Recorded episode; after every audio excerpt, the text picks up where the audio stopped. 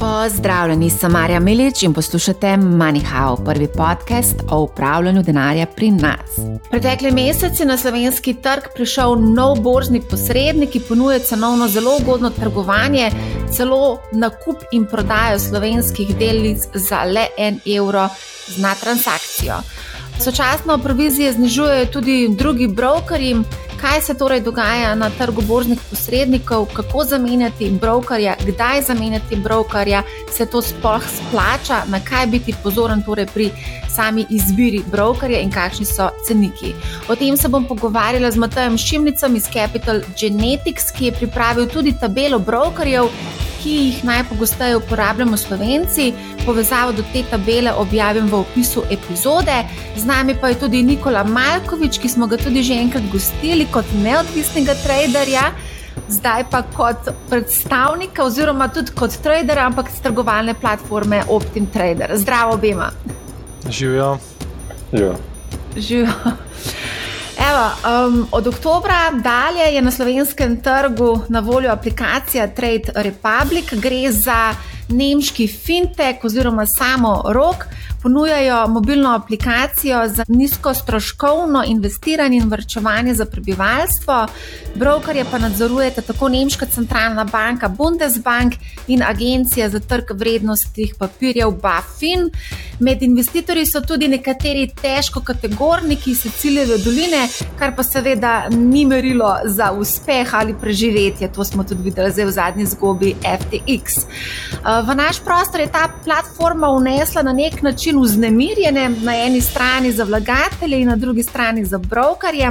Še zlasti zato, ker Trade Republic v bistvu ponuja mimo Ljubljanske borze trgovanje z desetimi slovenskimi delnicami za relativno ugodno ceno 1 evro na transakcijo. Je pa treba seveda povdariti, da je ta platforma namenjena v prvi vrsti manj zahtevnim investitorjem in v končni fazi ponuja tudi omejeno količino finančnih inštrumentov, eh, so pa močni na področju vrčevanja. Preden gremo na kratko izjavo Osvalda Zalharja, ki je deželni menedžer pri Trade Republic za avstrijski, slovaški in slovenski trg in smo jo posneli na našem dogodku Manihau Live, bi vaju Nikola in eh, Matej vprašala, kako vidva gledata na prihod tega neobrokarja na slovenski trg. Matej, boš ti začel? Mislim, prihod vsakega novega konkurenta je, je pozitiven, še posebej zdaj tukaj, ker slovenskimi delnicami ni možno trgovati pri tujih brokerjih, oziroma nimamo uh, možnosti dostopa do slovenskih delnic pri najbolj razširjenih uh, platformah uh, na slovenskem trgu. Uh, sicer se že nekaj časa napoveduje, da bodo slovenske delnice tudi prišle na Interactive Brokers, ampak uh, zaenkrat se še ni tukaj premaknil je taka konkurenca sigurno uh, nekaj uh, pozitivnega, oziroma lahko privede do tega, da, uh, da se bodo tudi ostali igralci mogoče premaknili, pa videli potencial, da tudi oni pristopijo k Ljubljanski borzi, oziroma na kakšen drug način omogočajo dostop do slovenskih delnic. Nikola, ti? Mislim, Matej je tako fenomenalno tole zdaj povzel, ne, da nimam kaj dodati, mogoče Poleg tega, kot pravim, da je to super, zato da mogoče se ostali tudi brokeri, ki so tudi popularni zelo v Sloveniji kot Interactive Brokers, da se mogoče malo zmigajo, ne? ker že nekaj časa se govori, da bi Ljubljanska borza in seveda ostale borze, Zagrebška, eh, v Pragi borza in tako naprej, prišle na platformo. Definitivno je pa to tudi pozitivno za ljubljanski trg, ne? oziroma za slovenski trg, eh, glede na to, da je likvidnost dokaj nizka. Seveda, tle ne moramo pričakovati nekih hudih playerjev, ne, ker so bolj kot ne to platforma za retailere, ampak vseeno, pa, pa 500 evrov na kup, pa pač malo pomaga pri, pri likvidnosti. Ne. Tako da zagotovo um, dobrodošel tale prihod um, Trade Republika. Dajmo zdaj poslušati izjavo Osvalda. We have a surprise guest today, Oswald, who's a country manager for Austria, Slovakia, and Slovenia at Trade Republic. Yes, hello. Hello. Oswald, how do I pronounce your surname? Salher. Salher, yes. Oh, Salher. Great. Austrian, yes. Uh, Trade Republic is one of the fastest growing uh, neo broker in uh, Eurozone. And um, we can download um, your app in Slovenia. Since Tuesday last week. Yes, it's true. I also did download your, your app. I did test it and um, I think it's really user friendly. And it has one specific thing that we are all looking for. We can buy Slovenian stocks, 12 Slovenian stocks we can buy on your app. Yes, and I did it myself today on the way from Vienna here to uh, Ljubljana, and now I'm a very proud holder of two stocks uh, from Slovenia, Which two stocks? Krka and um, Slovenia Telecom. Wow. I'm not sure about that decision about Telecom Slovenia, um, but Krka, Krka is great. Um, um, we have a few questions for you. Uh, just a second. Okay. One of the main concern of our listeners is they're concerned about safety of your platform. In the case, for example, in the case of bankruptcy of Trade Republic, what happens to our cash and securities? So Trade Republic is the German regulated uh, bank uh, based in Berlin, and we are supervised by the BaFin, the German regulator. So I would say this is one of the best regulators in Europe, and the um, the stocks and shares are separated by the capital of the company. So if the company goes bankrupt, the the shares and stocks from the customers are separated. Maybe you can explain who are the investors behind the Trade Republic. These are the very well known uh, companies from from um, US like Sequoia, Sequoia, and and very few others, very prominent. Uh, you can read it on our on our website. And who is your typical user? So I'm in this uh, in this uh, industry since more than 25 years, and the typical user was until a few years ago male 35 or 45 to 75. And this changed in the last few years since uh, it became easier to use apps.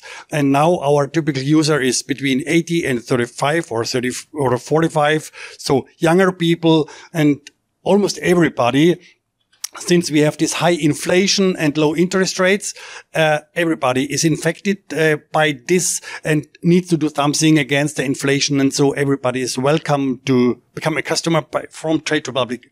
Um, I know that uh, Nicola is trying to buy stock now. It's not possible at this time. so maybe just one more question. How do you get access to the Slovenian market and how, how do you execute your, or our orders actually? So it is possible to to buy even Slovenian stocks right now because until uh, um, 11 p.m. because we have we use a liquidity provider, and if outside their regular trading hours, uh, we use this liquidity liquidity provider. And I bought the stock right before 10 minutes ago, Krka.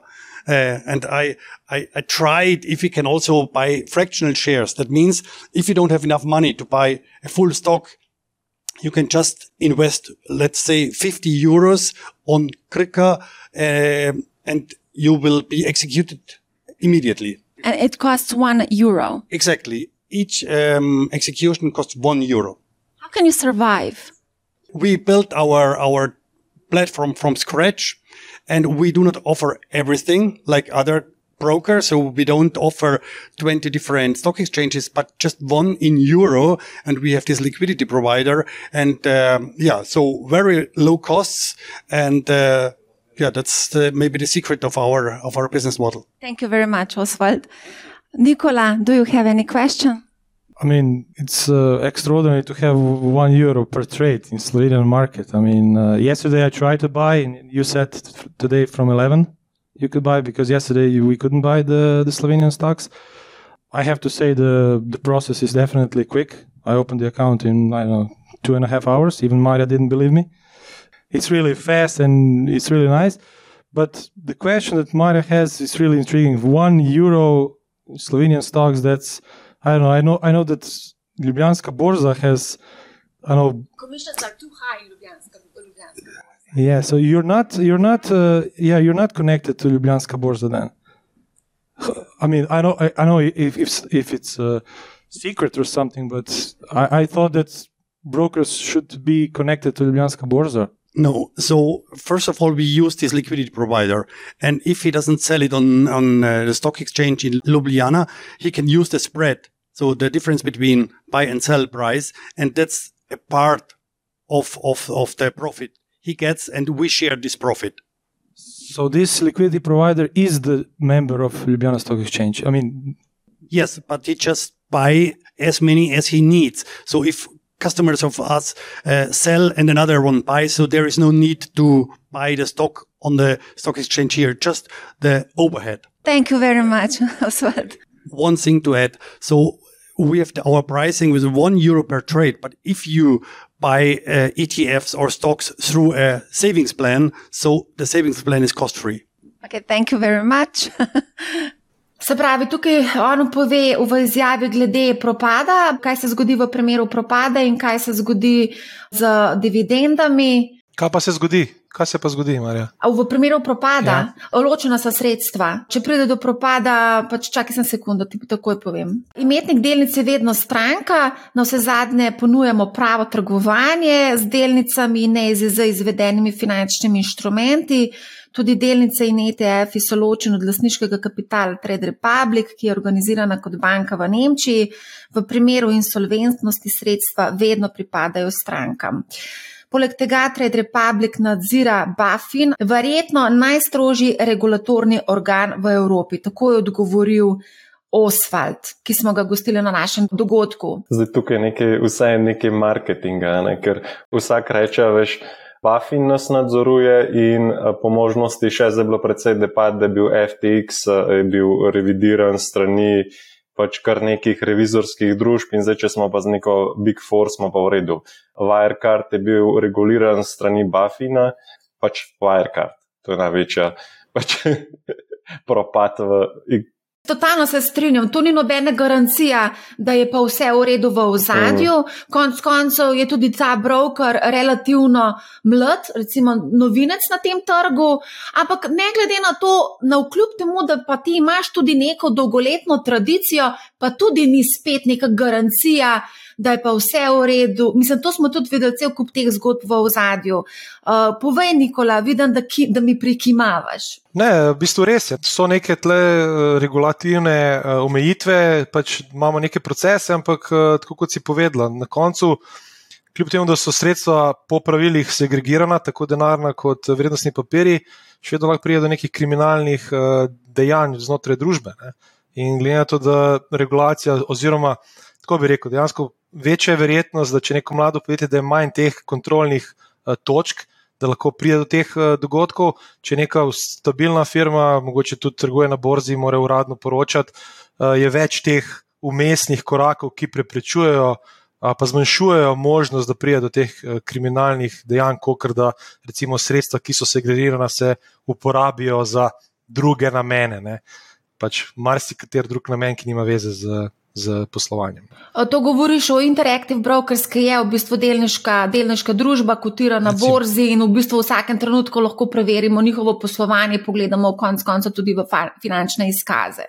Ne? Tako je, tako je. In ker trgujejo tudi na borzi, morajo vse te uh, poročila uh, delati, in uh, pač večja je varnost, recimo, kot pa nekoga, ki mogoče ni ni na borzi, pa je moče privatno. Je pa tudi mogoče zdaj res, da smo tudi malo okuženi zaradi tega FTX-a in propada te zgodbe, mogoče to slabo luč meče ne samo na te um, kriptomenjalnice, ampak posledično verjetno lahko slabo luč meče tudi na neobrokarje, neobanke in ne. Se mi zdi, da to mogoče zdaj ni, niso v najbolj takem ugodnem položaju, lahko zaradi tega. A se strinjate s tem? Ja, jaz se definitivno uh, strinjam. Ljudje so postali malo bolj pozorni ne, na, na, na to varnost brokerja. Ne.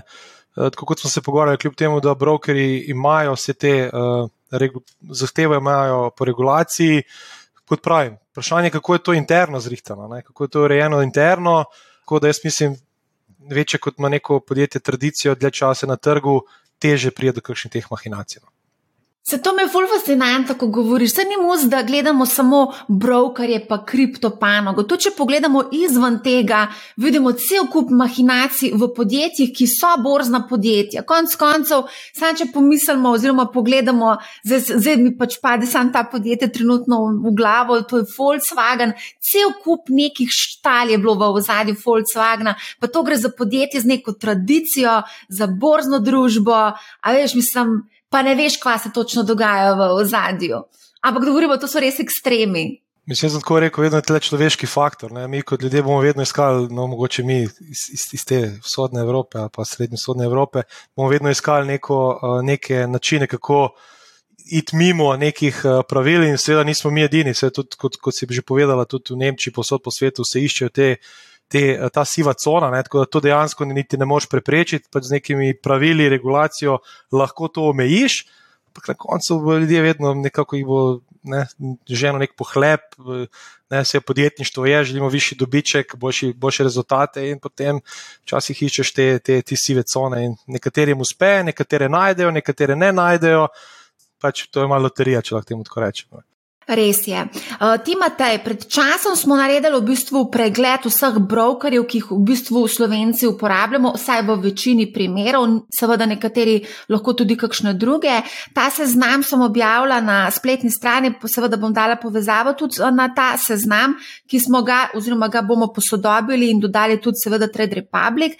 Na tem seznamu imamo cel kup nekih brokerjev, vse od e-tora, Trading 212, tudi Optim Traders smo dali, imate dva različna kategorije, če temu lahko tako rečem. Seveda Revolut, ki je neobanka, in ponuja tudi eh, ne samo kupovanje oziroma investiranje v nekatere specifične delnice, ampak tudi kriptovalute, potem CapTrader in pa mislim, da med slovenci vse en še vedno najbolj preljubljen Interactive Brokers.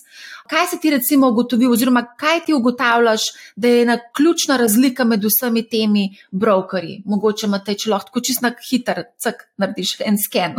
Ja, mislim, tisto, kar, kar je za vlagatelja tukaj zelo pomemben, sta, mislim, je par stvari. Prvo je jasno, bo zelo velik jih bo pogledal na strošek, kakšni so stroški trgovanja, koliko je uporabna sama aplikacija, kateri instrumenti so na voljo pri posameznih brokerjih. Določeni imajo še zmer eh, željo pač trgovati na domačem trgu, to se pravi dostopnost do slovenskih delnic in tako naprej.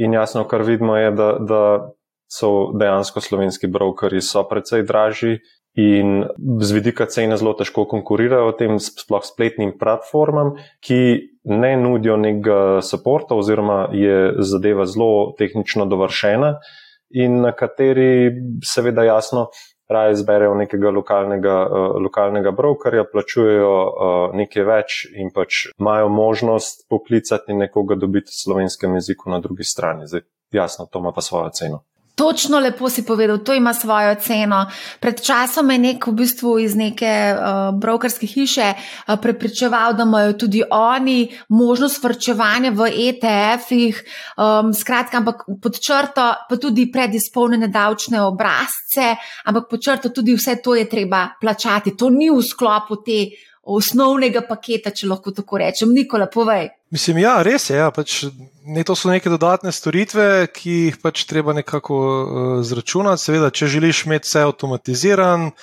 pač tisti, kot te bo te povedal, tisti trgovalci, investitorji, ki jih pač uh, ne zanima, ne rabijo tega, bojo itak gledali samo ceno. Ne, bojo gledali na strošek, seveda. Mislim, da je zelo pomembna tudi sama varnost, ker na koncu, koncu ko se potencijalno ta kupček poveča in je to relativno velik kupček, uh, ne želiš, da ta kupček izpuhti ne, po 5, 10, 15, 20 letih. Tako da mislim, da je prva pomembna lastnost je varnost brokerja. Tako da regulacije to, to mora biti, ne, da so pač to uh, regulirani borzni posredniki. Potem pa seveda so različni brokeri, ki, kot tudi te povedo, ponujajo dodatne storitve, te storitve stanejo. In se, se vsak more posameznik se pol odločiti, ali je cena te dodatne storitve upravičena. Ne.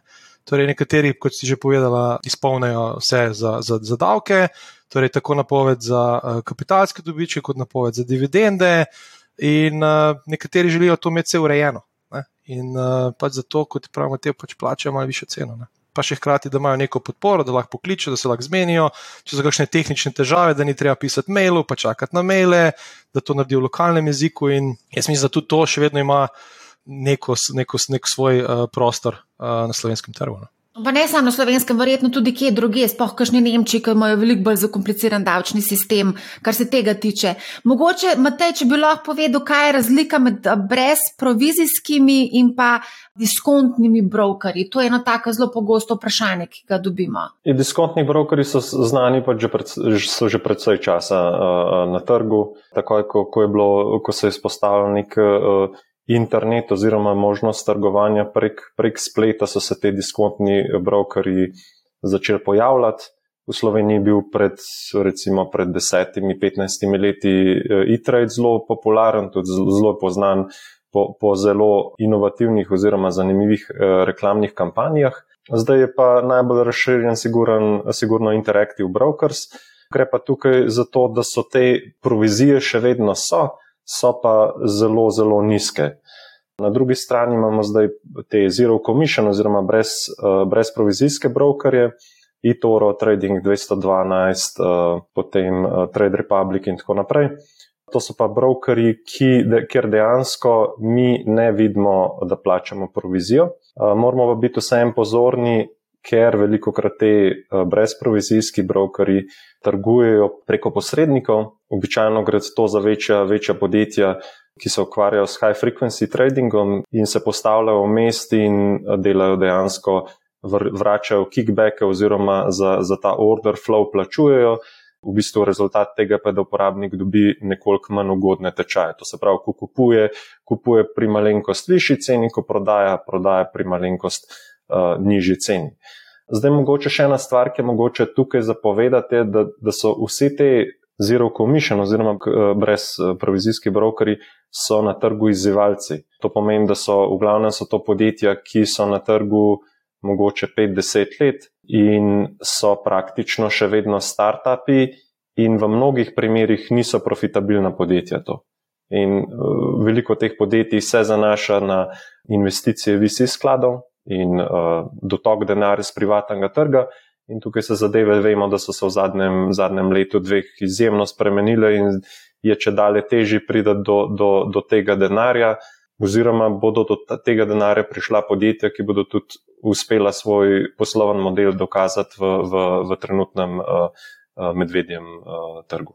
Zdaj, če malo špekuliramo, vsak v bistvu medvedji trg ali pa recesija nekako očisti trg. Kaj tukaj lahko pričakujemo? Lahko pričakujemo, da mogoče bo kakšen znan, znana, znana brokerska brezprovizijska platforma, mogoče celo izginila. Zdaj to je čista špekulacija, ampak Nikola, kaj ti misliš?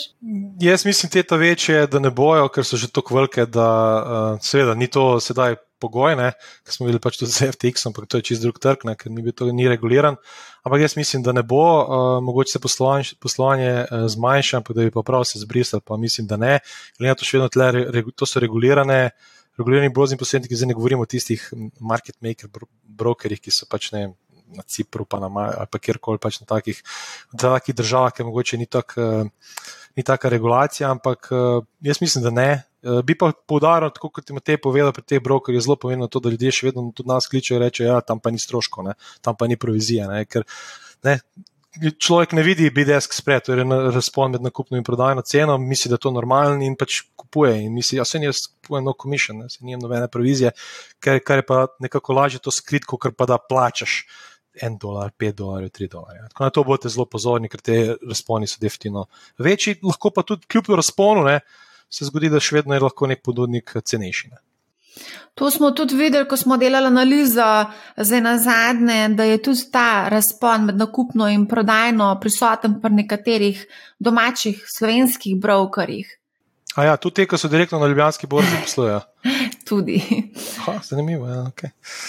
Skratka, to nisem pričakoval, iskreno. Ja. No, vidiš, um, ja. se tudi to dogaja. Sicer razlika ni tako velika in dramatična, ampak cent na cent pa se pa nabere. v glavnem, okay, a gremo kar naprej. Zdaj, um, zdaj ko govorimo o, kripto, teh, o kriptomenjalnicah, vem, da imajo posamezniki več teh računov. Ko govorimo pa o brokerskih računih, se mi pa zdi, da se ta številka nekako skrči in se mi zdi, se mi zdi da bo, imajo enega maksimalno do dva brokerja. Se strinjate s tem? Ja, jaz, jaz se definitivno strinjam. V bistvu, kar mi vidimo, uh, je tak trend, da večinoma uh, imajo stranke nekako brokerje v Sloveniji zaradi slovenskih delnic in nekako jih pač tam imajo ali parkirane, ali pa pač z njimi malo trgujejo, investirajo, potem pa imajo še enega brokerja za tuje trge, ne, za vse ostale trge. Tako da jaz mislim, da je to trend uh, sedaj. Ne, če bo Interactive Brokers pripeljal tudi ta naš trg, mislim, da se bo to tudi skonsolidiralo potencialno. Ne. Uh, ampak ja, zaenkrat mislim, da več kot dva uh, trgovalna računa, vsaj iz, no, iz naših izkušenj, uh, stranke nimajo. Ravno zaradi tega je mogoče ta Trade Republic tudi zanimiv, ker ponuja tudi mimo Ljubljanske borze trgovanje slovenskimi delnicami za relativno zelo ugodno ceno, en evro na transakcijo. To lahko mogoče kakšnemu očkrtne domačemu brokerju biznis. Mislim, zagotovo lahko. Sploh jaz mislim, mlajša generacija, ki je tehnološko bolj napredna, bo zagotovo mogoče poskušala to. Jaz bi pa tako rekel, nekako ta generacija ne, srednjih let in gor mogoče se ne bo šla tako uh, ukvarjati s tem, ker pač je mogoče to ne vem, ali prezapleteno, ali mogoče ne zaupajo to, še vedno bolj zaupajo nekem lokalnem uh, igralcu. Uh, zagotovo pa bi rekel mlajša generacija. Sem malo, recimo, vprašanje tudi, ko imaš ti izkušnje. Ne? A mlajša generacija trguje slovensko borzo. Ne? Mislim, marsikateri mlad človek reče, da ja, dividende so kar zanimive, ne, mogoče pa bi. Recimo, naše prve delnice, ki smo jih kupovali, so bile v bistvu slovenske delnice, zdaj mogoče mlajši kupujejo kakšne druge ne so mogoče bolj atraktivne njim, ne vem, ampak vsem ta opcija zdaj je za neko relativno ugodno ceno na voljo. Ne? To zagotovo, ja. to pa definitivno. Uh, mislim, da če že nekdo želi, če je nekoga že zanimal, pa se ni upal, mislim, da zdaj ima pač eno priložnost, da poskuša na en relativno uh, pocen način prije tudi do slovenskega trga. Zanimivo je pa tudi to, to verjetno prihaja iz tega sveta uh, kripta, ta user experience, ta kako v bistvu vabijo oziroma kako te peljejo skozi postopek odpiranja računa. To je postalo za temi neobrokerji, z neo pač tudi bankami, konc koncev zelo poenostavljeno. Recimo pri nas ni možno odpreti bančnega računa nadaljavo, medtem ko mi lahko odpremo brokerski račun nadaljavo brez problema. Kako gledate recimo na to? Jaz sem recimo ogorčena, da moram dejansko fizično na banko slovensko odnesti svoj dokument, zato da ga oni tam, da imajo moj najnovejši dokument, oziroma je problem vse zmence nadaljava, oziroma odpreti račun je pa sploh ne mogoče. To je v bistvu prikazuje, da smo res nekje čez za cajtom po domače povedali. Nočem biti zelo nasramna, ampak dejansko se mi zdi, da je to en velik minus. Mislim, gled, gre tukaj za, za nek legacy. Ne? Bistveno lažje je narediti, ko nekaj gradiš znova, ne? je narediti to od začetka, tako kot mora biti, in to sprogramirati, kot pa nekaj zdaj ustavljati v, v, v bančan, bančno IT arhitekturo, ki pač že, že z regulatornih vidikov imajo doskrat banke probleme, da jim sistemi padajo dol oziroma ne delujejo tako, kot bi, kot bi morali. Tako da jaz čist razumem, da, da so banke tukaj počasne, oziroma da zelo težko te IT novosti vključujejo notane. In tudi mrsikdo uh, bo na, bo na spletu, oziroma najdemo komentarje, kritike za Interactive Broker, da je spletna aplikacija manj uporabna, kot pa, oziroma manj uporabniku prijazna, kot pa recimo nek eToro, Robinhood in, in podobni, kar je spet pač posledica tega, da je v zadju neka starejša infrastruktura ki jo je zelo težko uh, nadgraditi, obenem imajo pa tudi uh, obstoječi uporabniki mogoče drugačna pričakovanja kot pa te novi. Tako da uh, je tukaj pač uh, težko reči, kako to spremeniti, oziroma se bo to sploh kdaj spremenilo. Mislim, da se zdaj pogovarjamo o bankah. Ne. Recimo, banke so res mogoče malo zaostale, ampak z vidika borznih posrednikov, brokerjev, mislim, da skoraj vsak broker že omogoča identifikacijo, da odpreš račun, rabi fizično biti. Jaz ne morem zdaj govoriti za naše lokalne uh, Eh, ponudnika, ampak vse ti, ki so bolj spletni, mislim, da noben ne rabi biti prisoten, ne fizično, vse to naredimo prek spleta. Uh, zagotovo pa mogoče za Interactive Brokers bi pa rekel, glede, da smo mi pač tudi njihov partnerji, pa da so se izboljšali z vidika spletne platforme, kar so tudi posodobili zadnji dve leti. Mislim, v zadnjih dveh letih so jo malce posodobili, da so se približali tem user experience, ker so prej imeli katastrofalni user experience platformo. Ne. Z UX-om, ampak da to gre na to, tudi mobilna je dokaj enostavna, mogoče ni tako zgamificirana, kot so recimo ostale, ampak še vedno je pa relativno enostavna. Ne? Tako da uh, tudi pri nas vidimo, da moram priznati, veliko strank trguje prek mobilne. Ne? Dejansko pač te, ki so niso tako aktivne, kupi, prodaj, kakšne ETF, kakšno delnico. Mobitel odpreš, kupiš, prodaš, in zelo, zadeva je zelo enostavna. Ne? Zdaj, ali je to dobro ali ne, z vidika uspešnosti trgovanja, druga zgodba, ker se, ko imaš nekaj na mobitelu, si pa tudi engagen, kar pomeni, da spremljaš, gledaš. Ne? In dosti krat vemo, da če gledamo samo statistiko, bolj ko si aktiven, pada ta uh, verjetnost uspešnosti, ne? ampak uh, zagotovo pa tudi te brokeri, ki so dlje časa na trgu, grejo v to smer, da vsaj na mobilni, pa na spletni zadevo zelo, zelo poenostavijo. No. To je res, ja. To je res, ja. Če pa želiš napredno funkcijo, imaš pa pol platformo, ki jo namestiš na računalnik in potem pač izkoriščaš tudi to, ampak to je pa za tiste bolj napredne trgovalce, ki so mogoče. No, teh bolj naprednih trgovalcev je procentualno v bistvu manj kot pa recimo tisti mogoče recimo temu hobi trgovalcev. ki kupujejo več ali manj uh, ETF-e, uh, mogoče kakšne te večje ameriške blue chipe in to je to. No? Mislim, mislim, da v povprečju večinoma na tak način uh, kupuje, investira. Ja, mislim, da v Sloveniji. Počasi se, mislim, jaz mislim, da je že trend, ne, tudi, tudi zaradi tebe, Marija, in ostalih, ki nekako informirajo trgovalce o, o možnostih ETF-a in dobrih strani ETF-ov.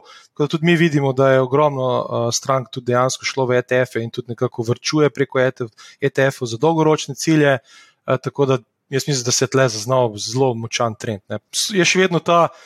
Ta skupina majhna v primerjavi z, z recimo, vzemnimi skladi, z industrijo vzemnih skladov, ki še vedno ima vidimo dokaj dobre prilive, industrija raste, seveda se konsolidira, ampak raste tako, da ampak se pokaže te začetki, no, da tudi ljudje um, izkoriščajo te dobre, dobre lasnosti uh, investiranja v ETF. Uh mhm, -huh, se strinjam, ja.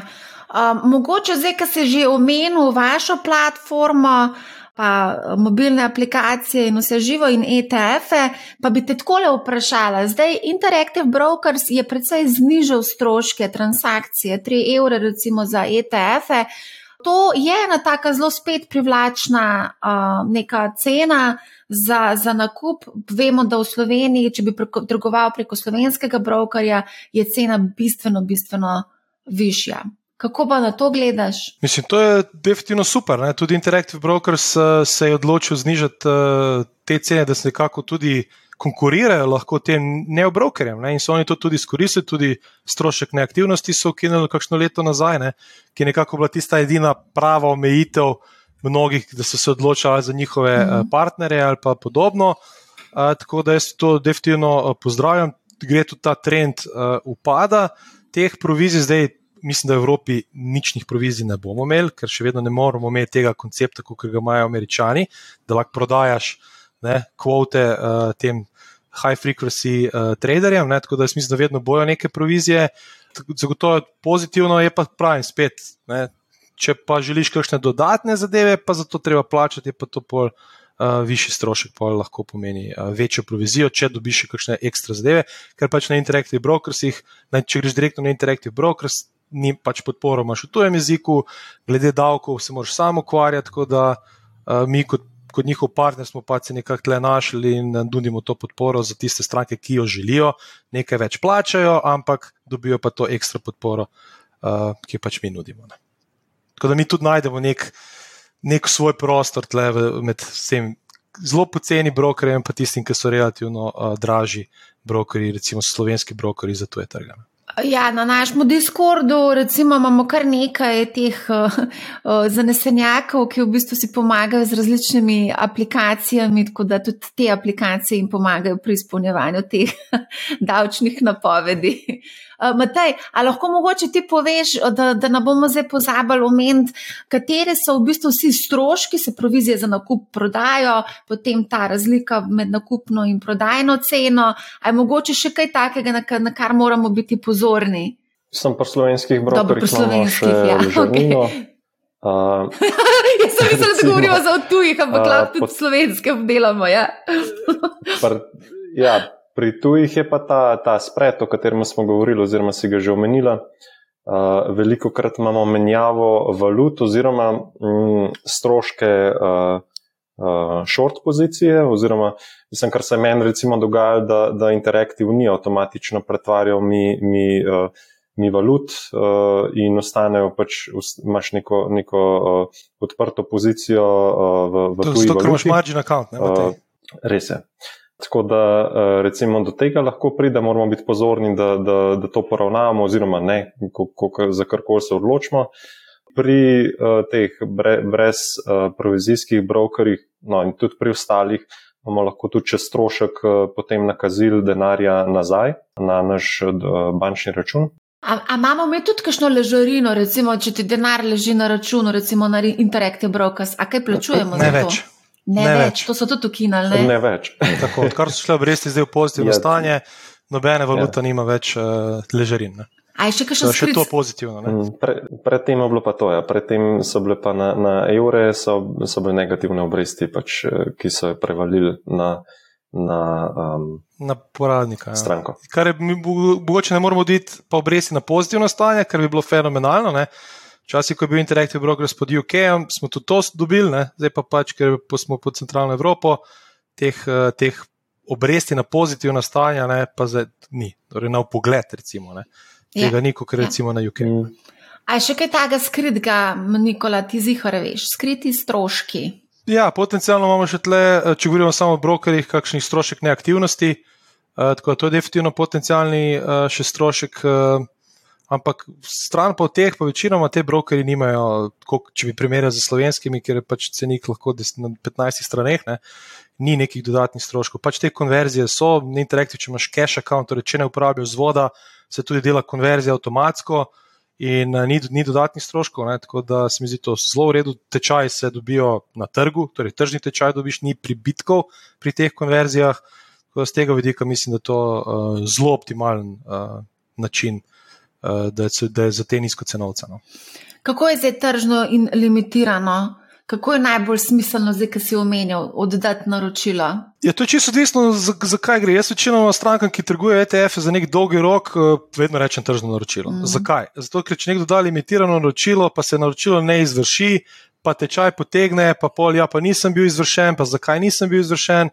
Tako da tako rečem, če trguješ, pa vrčuješ v ETF-ih, večinoma uporabljaj market naročilo. Uh -huh. Ne? Če pa gre za bolj napredne trgovalce, pa je pa tle ne samo limit, pa tržno. Tle pa tisoč drugih še naročil, ki jih tisti trgovalec že tako opozna in vse. Tako da jaz bi večinoma rekel za tiste, ki vrčujejo na dolgi rok, uh, market, torej tržno naročilo, nimaš tvegan, da ti po naročilu ne bo se izvršilo. No. Matej, se strinjaš, ki imaš?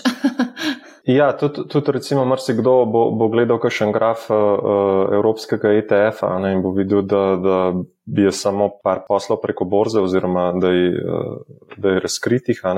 Tu, za vse ETF-e je, je na trgu market maker, tako da kadarkoli se naročilo pojavi na, na borzi, je, je on tam stoji, da pri neki normalni ceni stranka to kupi. Tudi če, če zadeva zgleda skrajno nelikvidna, je v primeru ETF-ov uh, vedno tako, da, da nekdo pač stoji tam in, in skrbi za to, da so, uh, da so naročila izvršena. Koliko pa mislite, procentualno gledano je um, aktivnih trgovalcev? Zdaj pri kriptu vemo, da ljudje.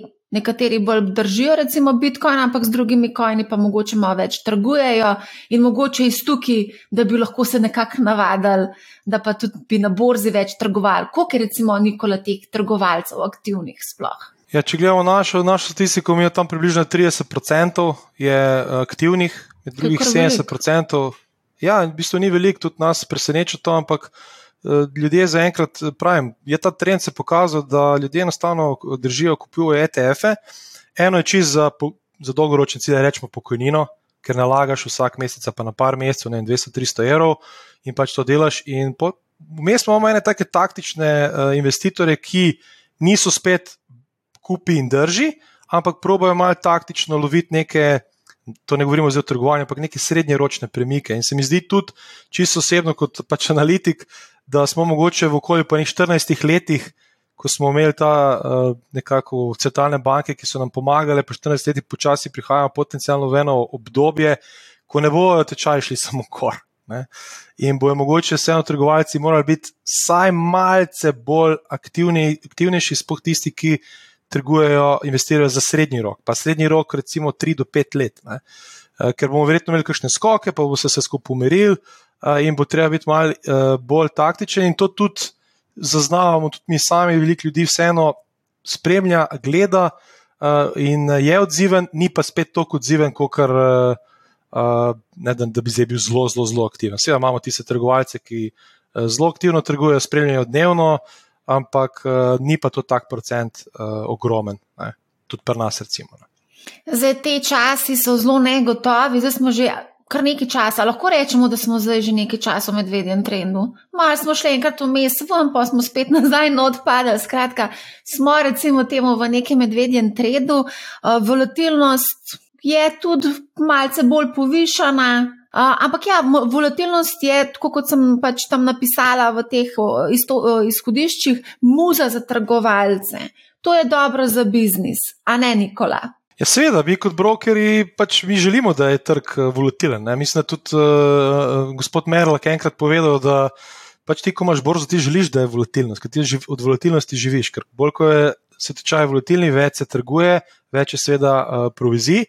Sedaj, ta povezava je tako, da večinoma je volatilno takrat, ko trg pada. Ne? Tako da dosti krat pol tudi uh, ti neka vrednost sredstev strank ti upada. Uh, tako da ne želiš, da videti kreša na trgu. Ne?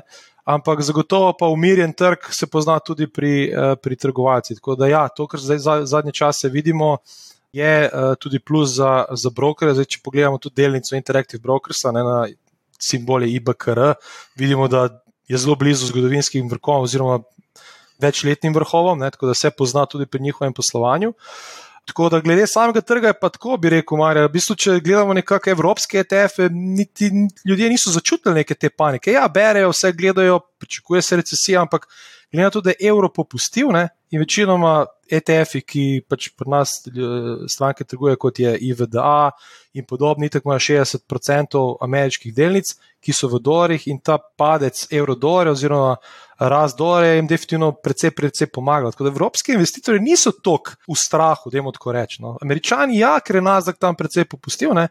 Ampak tu spet, če si kupoval v, v evrih, recimo ETF na Nasdaq, mislim, da je SXRV, pa če padel vse skupaj za 10-15% manj, kot bi pa če bi kupovali v, loka, v lokalni valuti. Ne.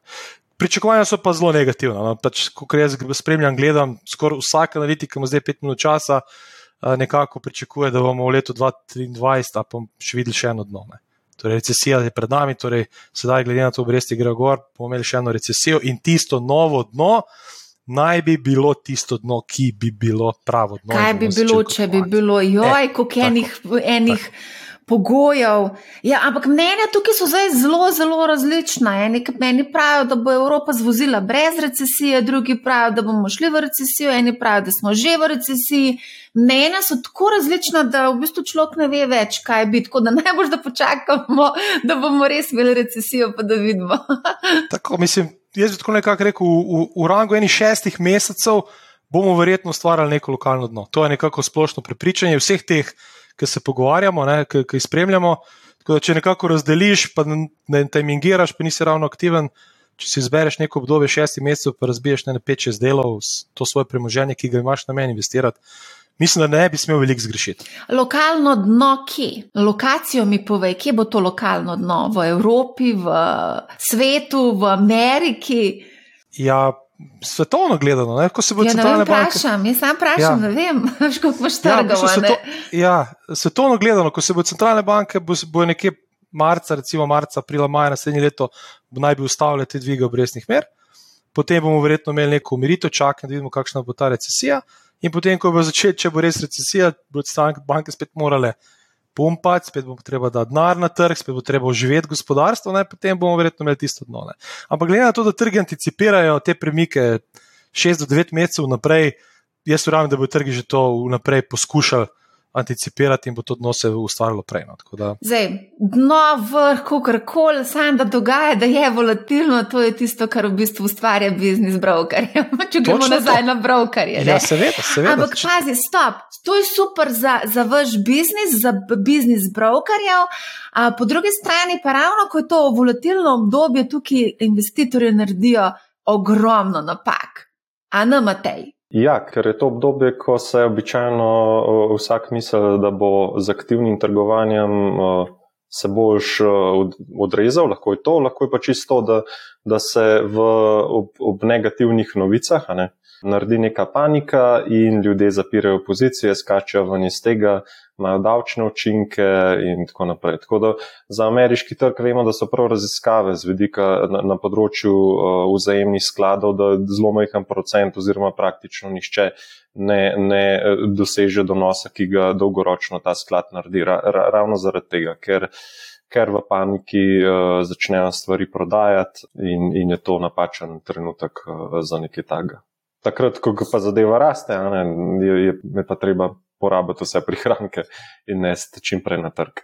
Mislim, če lahko le dodam, je, to, to se strinjam, to je definitivno statistika. Je. Zato je pa zelo pomembno pri investitorjih, da se zavedajo, kaj lahko pričakujejo. Če ti veš, da bo korekcija, če ti veš, da pač kakšna je statistika. Da, ne, če gledamo 20 ameriški trg, če gledamo 20 let, nikoli ni bilo negativnega obdobja v 20 letih, ne, zadnjih 100 let. Da, če to vse veš, pa veš, da pričakuješ to, polni panike. A problem je, ker ljudje to vejo, pa, pa prvič pride do ene korekcije, 20-25%, pa, pa kaj pa če bo še padel, pa kaj pa če bo še padel, in pol začnejo spreminjati te svoje uh, naložbene odločitve, in potem prihaja do teh problemov, pa napak. Ne. Tako da jaz pravim, tle je zelo pomembno to izobraževanje, da veš, kakšen imaš cilj, da veš, kaj se lahko zgodi, in da si na to pripravljen. Ne. Če pa tega nimaš, pa, pa v bistvu si toplo hladno. Mal bi tako, ko gre trg gor, bi bil investiran, ko pa trg pade, pa ne bi bil. Ja, To bi vsi mi tako radi bili. Ne? Pa ni tako enostavno. To se mi zdi, da je en tak simptom neizkušenih vlagateljev. To pride z leti, z, z, z izkušnjo. Jaz mislim, da je potrebno za vsakega vlagatelja, da izkusi to bolečino izgube.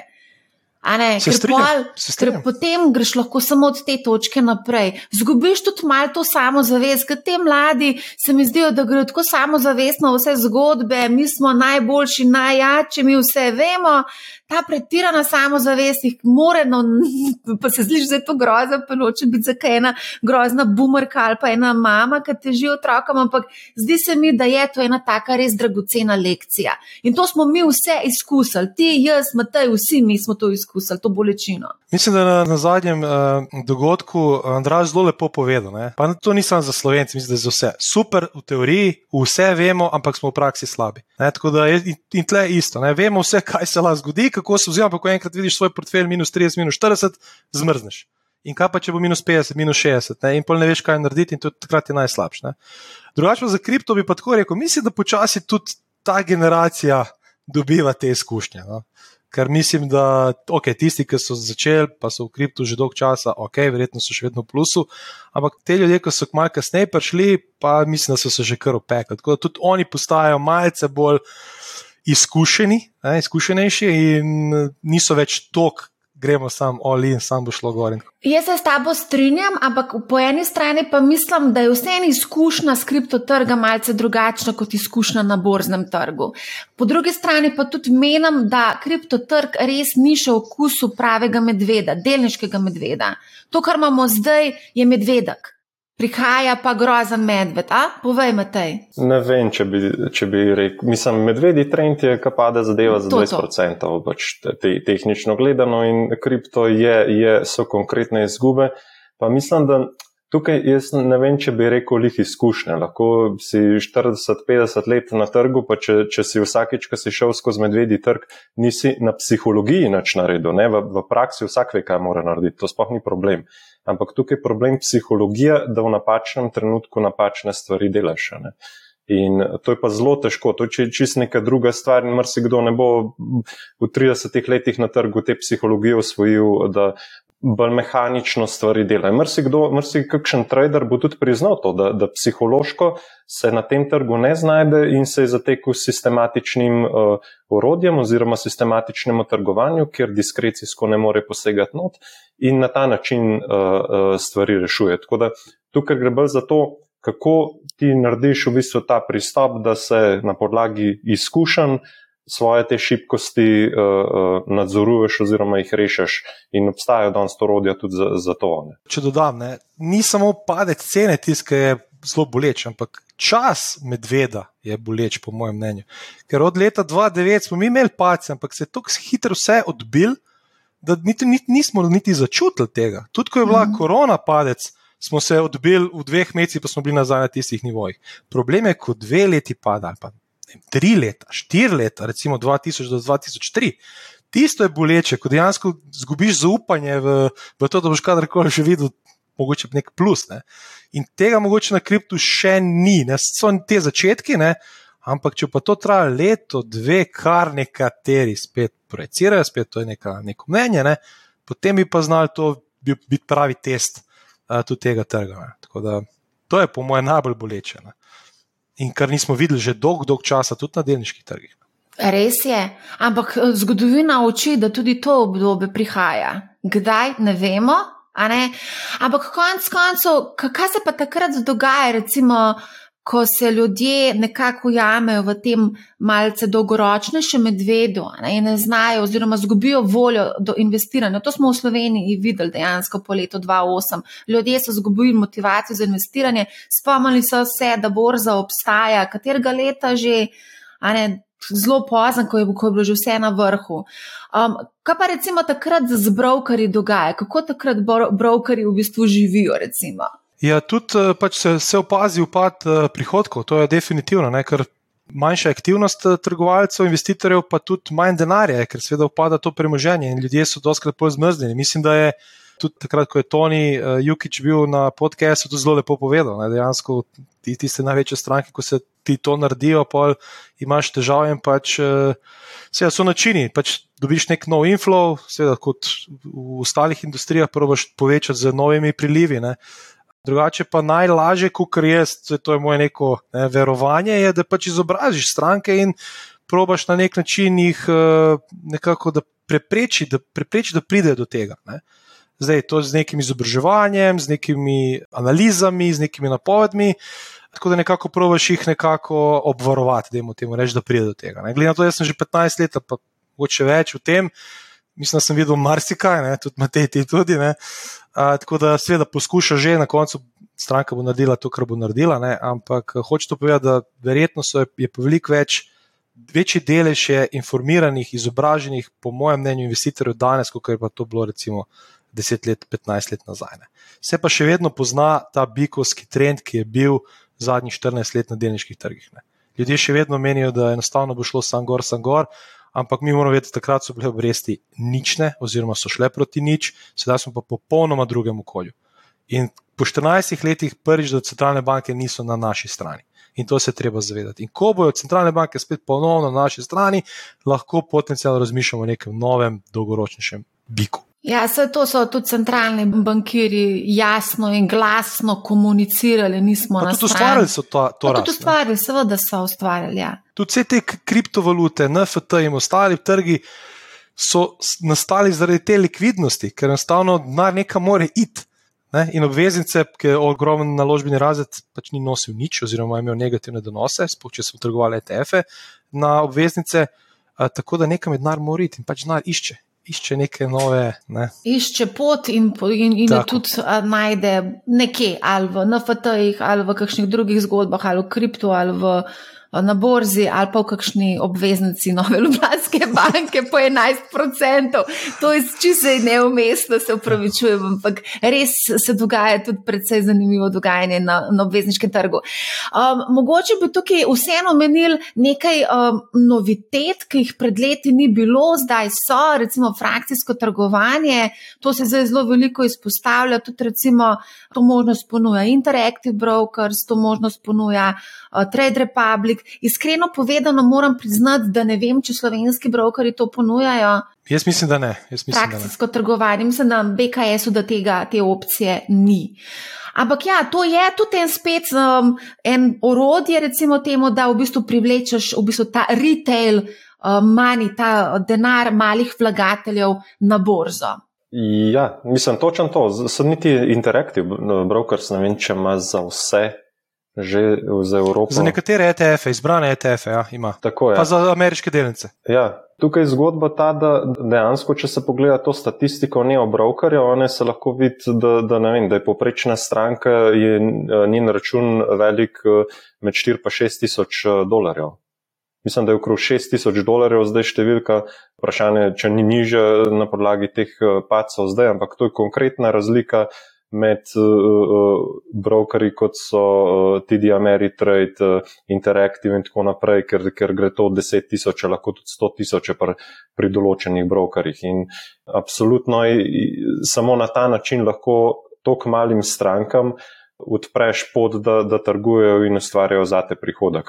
Pa to z vidika brokera, tako kot ljudje uh, lažje reče, bom investiral 300 evrov, bom investiral 500 evrov in se ne rabi ukvarjati s tem izračunavanjem, koliko je tečaj, aha, to je to klotov, Lej, 500 evrov, on ti sistem ti sam razparcelira, večinoma ti bo bral ves, investiral ti bo ves denar, ki si ga namenil in to je super. In to je nekaj, kar je po mojem mnenju prišlo iz kripta. Ker na kriptu smo kar naenkrat samo, samo denarju se pogovarjali. 500 kupiš za 1000, kupiš za 500, kupiš za to ne več, kupil bom ni cela en ali pa ni cela en eter ali pa ne vem, kako koli. Ne. In nekaj časa, ko smo bili na teh brokerjih, ti dejansko na brokerjih, tudi na kriptu, ti sploh ne vidiš uh, tako pozicij, lepo veš, kot vidiš na Interactive Brokersih. Ko kupil sem to kloto po poprečni ceni tok, moj unrealized oziroma nerealiziran realiziran dobiček je tok. Jaz, ko vem, brokerji, ki so kripto, vidiš samo vrednost računa. Ne. In pač se spomniš, ja, koliko sem pa jaz naredil plusa, niti malo ne veš. Ne. Tako da vse skupaj, moje, tudi malo prišlo iz tega, te, da se poenostavi. Ker ljudje, ko jaz vidim, ki kupujejo ETF-e, so zelo narejeni na količino denarja. Jaz bi rad investiral 500 evrov. Ok, 500 evrov pišeš, sistem ti začuna in kupiš.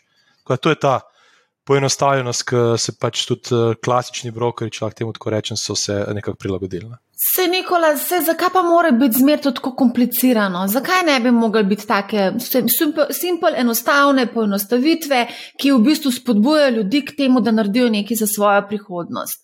Meni se to zdi odlična rešitev in tudi spodbuja ljudi k temu, da pač investirajo tako, kot njim paše. Ta opcija bi mogla biti na voljo. Ja, sej, to se strinjam, se strinjam. Če se vrnemo nazaj, sistem ni tako narejen. Če ti v Sloveniji kupaš delenco, zdaj je to drugače pri, pri Trade Republic, ampak če ti kupaš v Sloveniji delenco, bo ta delnica knjižena na tvoje ime eh, pri KDD in ne more biti del, knjižni, del delence knjižen na tvoj, na tvoje ime. Zdaj, to je možno šele, ko, ko delaš ti sicer na ločenih računih za stranke, ampak gre vse in to za skupne, za skupen račun stranke in delnica ni v tvojem imenu, je, v, pač je, je načeloma v imenu vseh strank, ampak pa ni pa to pisano na te to lasništvo. Čeprav pravno, pa imaš vse pravice. Ne? Pravno vse, pravno imaš vse pravice, je, je pa nek umesen člen, ki v preteklosti ni bil. Uh, ni bil uh... Sorry, zdaj nisem čisto dobro razumela. Lasništvo ni napisano, če kupuješ kaj konkretno? Slovenske delnice, Če kupaš pri slovenskem brokerju, ne bo ta delnica na, na KDD-ju uh, upisana s tvojim imenom. To se pravi, boš razviden yeah. Ja. tudi v delniški knjigi. Če pa kupiš to preko uh, Trade Republic, bo pa ta delnica ne bo vidna v KDD-ju, ampak bo vidna kot na nekem skrbniškem računu, ki je skrbniški račun uh, market makerja ali pa nekoga drugega. To tretjega. sem ravno danes vprašala Osvalda Zalharja in on pravi, da v bistvu Clearstream uh, drži vse delnice. Ta Clearstream, ki pa je v bistvu, kako se reče temu, klirinška družba, Tako, ja. je pa ima delnice na KDD-ju. Uh, je pa jasno razvidna chain of ownership, se pravi, veriga lasništva, uh, tako da te podatki so dostopni. Sem še nekaj zadev drugih vprašala, vezano uh, na to, ali se lahko udeležuješ skupščin, ampak tega odgovora zaenkrat še nisem dobila. Sej, uh, isto ima tudi Interactive Brokers. Tudi, ko kupiš delnice prek Interactive Brokers, ni na tvoje ime.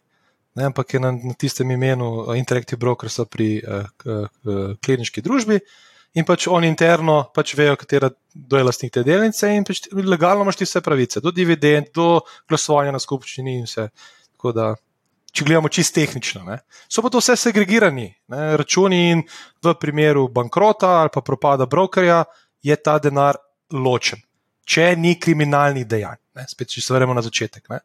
Če ni kriminalnih dejanj in če broker propade, se ta denar oziroma ti vrednosti papirja enostavno prenesejo na drugega brokerja. Ja, tudi kar se tiče teh dividend, to smo slišali v posnetku, ki je rekel Osvald, da so dividende normalno izplačane neposredno na vlagateljev račun.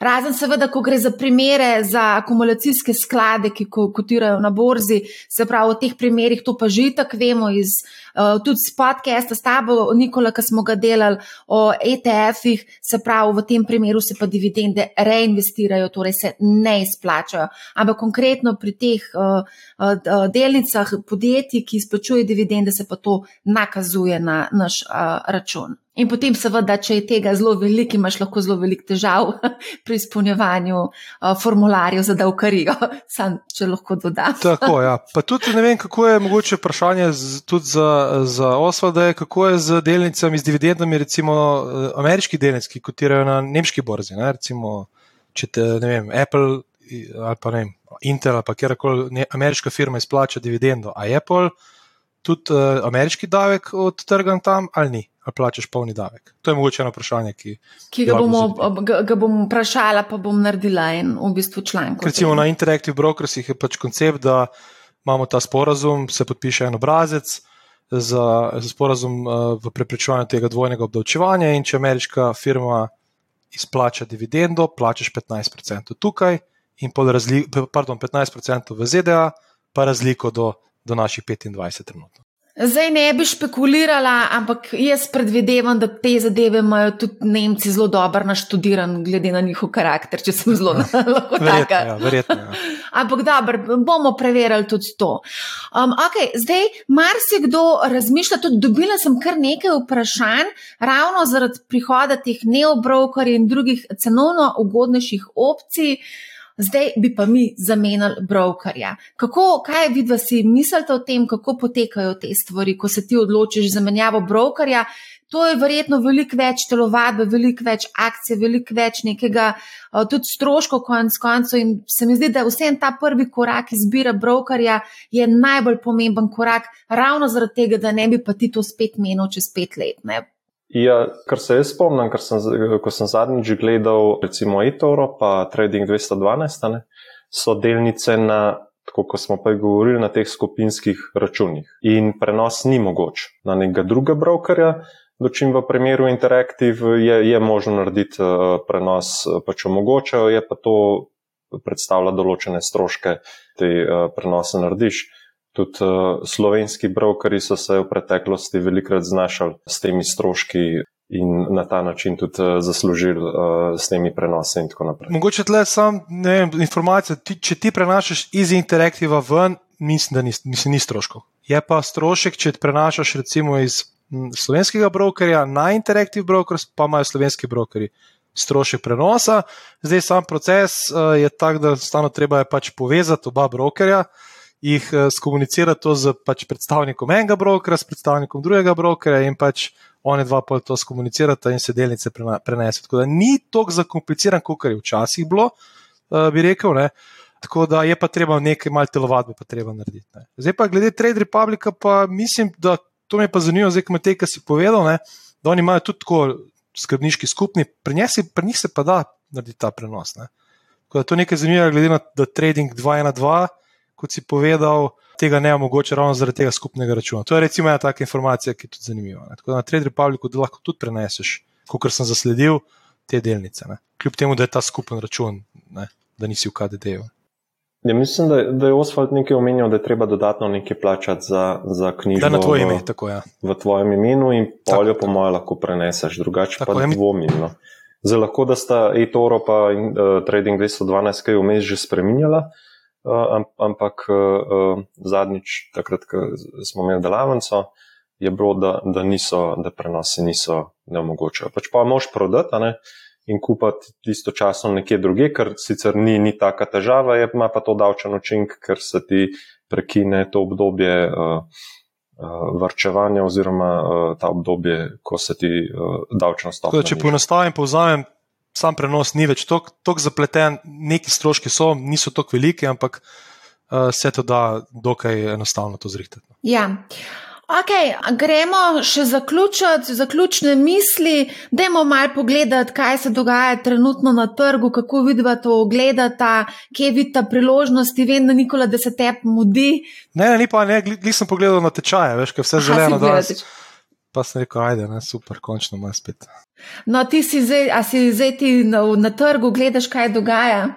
Seveda, jaz sem vedno ene krame, sam na platformo in zaenkrat je vse zeleno, super, vse je lepo in prav. Tako da, uh, ja, v bistvu imamo to sezonsko komponento, ki je zelo pozitivna v tem zadnjem uh, mesecu, torej novembru, decembru, uh, bo pa veliko odvisno od uh, zasedanja FED-a 14. decembra in tam bom videl ali bo spet se sul trge ali ne, do takrat naj bi nekako vse skupaj bilo pozitivno, glede na to, da inflacija je začela malce popuščati, tako da vsaj mal, nek, mal nekega, nekega pozitivnega učinka imamo, ne. uh, imamo pa druge probleme spet z, z Rusijo, pa s tem capom nafte, pa tako naprej. Tako da uh, velike, velike še enih. Uh, neg potencijalnih negativnih dejavnikov, ki lahko vplivajo. Ampak saj zaenkrat trg se je nekako stabiliziral in uh, absorbiral vse te negativne novice. No. Ajde, ampak mi smo zdaj dolgoročni vlagatelji. No? Zdaj, a, veš, ti si meni povedal, kaj danes dogaja. Mene zanima, kako naj investiram denar dolgoročno, ker če greš na borzo, greš dolgoročno v to okay. zgodbo. Ajde, da mi povej za pet let. Mesečno, mesečno investiraj. Mesečno, ne e, rabiš treningirati. Danes sem bila z enim predsednikom uprave večje družbe, smo se malo pogovarjali in, in sem ga vprašala, kako pa ti, kaj investiraš. Ne? In je rekel, jaz kupujem samo SP 500 ETF, that's it. Evo, vse torej, je, v bistvu, dolgi rok ni slabo delo, ne? Saj za enkrat, ja, vse tako, to je res. Ne? Tako da, če se nočeš s tem ukvarjati in vse, pač enostavno mesečno daš, ali daš nekom drugem za upravljanje, to je druga zgodba, ampak drugače pa ne timingiraš izbereš eno periodo, če imaš ta cash flow, seveda. Ne. V bistvu, vse je super, ko govorimo o tem dolgoročnem mesečnem. Problem je, ker ima ljudje en fiksen znesek, so tudi, tudi vidva vesta, ko ima nekdo fiksen znesek in kaj bi on s tem naredil. On to zdaj težko mesečno razbije, on bi rad to investiral zdaj. Ne. In tle treba pa malo fines, malo bolj taktično, malo, vseeno malo nek timing uporabiti. Ne. A to govoriva o večjem fiksnem znesku, Tako. recimo 10, 50, 100 tisoč evrov. Recimo, Jaz ja. poznam ja. zelo veliko ljudi, ki ima zelo veliko denarja in ne ve, kaj s tem denarjem početi, in dejansko kupujejo stanovanje po tekočem traku. Ne, ja, kljub tem, tem ja. norim cenam. Ne. Ampak dobro, da je zdaj tle predvidevam, da naši poslušalci nimajo težave z ne vem, kam investirati pol milijona ali milijon, ne, da je reči, recimo, eno mal manjši znesek, katere sektorje panoga se ti recimo, recimo zdijo za obdobje 5 plus uh, zanimive. Jaz bom tako rekel, jaz večinoma stranki rečem, da ne rabi komplicirati. Tako da globalno razpršen ETF in ne moreš, kar ne moreš, po mojem, ne moreš narediti napako. Ker kaj se zgodi? Jaz zdaj rečem, recimo, energetski sektor čez pet let, ki pač ima dober potencial, in pa se gli zgodi, da v naslednjih petih letih, ne vem, IVDA naredi plus 40, tisti sektor pa naredi plus 10. Tako da jaz mislim, za večino, za 95% ljudi, ne rabimo preveč komplicirati. Ti, ko kupiš vem, globalno razpršen sklad, dobiš noter informacijsko tehnologijo, dobiš vse sektore, kupuješ največje firme. Tako da jaz mislim, za nekoga, ki ni ravno dnevno v to ali pa tedensko upleten, ne rabi preveč komplicirati. Ne? In jaz mislim, da večinoma, kar želiš, je, da zadeneš smer splošnega trga. In to je to. Danes smo že nekajkrat omenili Andraža, Andraža Grahka. Jaz moram reči, da je bila to ena od prvih epizod o borzi, ki sem naredila eh, z njim. Je točno to povedal. Investiranje ni znanstvena fantastika. Daš v globalno razpršen ETF in je to to. Če pa hočeš začeti, pa izbiraš potem tiste bombončke oziroma začimbice, s katerim boš začel svoj portfelj. Je bil pa to epizoda snemana marca 2021, vroča borza, podivjanje vlagatelji, seksi naložbe in kanček črnega humorja. Mislim, da je ta zelo aktualen še danes in tukaj zelo veliko zanimivih stvari slišimo, tako da zelo priporočam, da to poslušate. Um, Matej, dej še ti povej, kako pa ti gledaš na trge danes? Bi se strinjal s tem, kar sta povedala. Dejansko portfelj mora biti uh, diversificiran, zaradi tega, ker imamo obdobja, ko dela, uh, ko dela nafta, imamo obdobja, ko delajo uh, varni sektori, kot so ne, Walmart in podobno.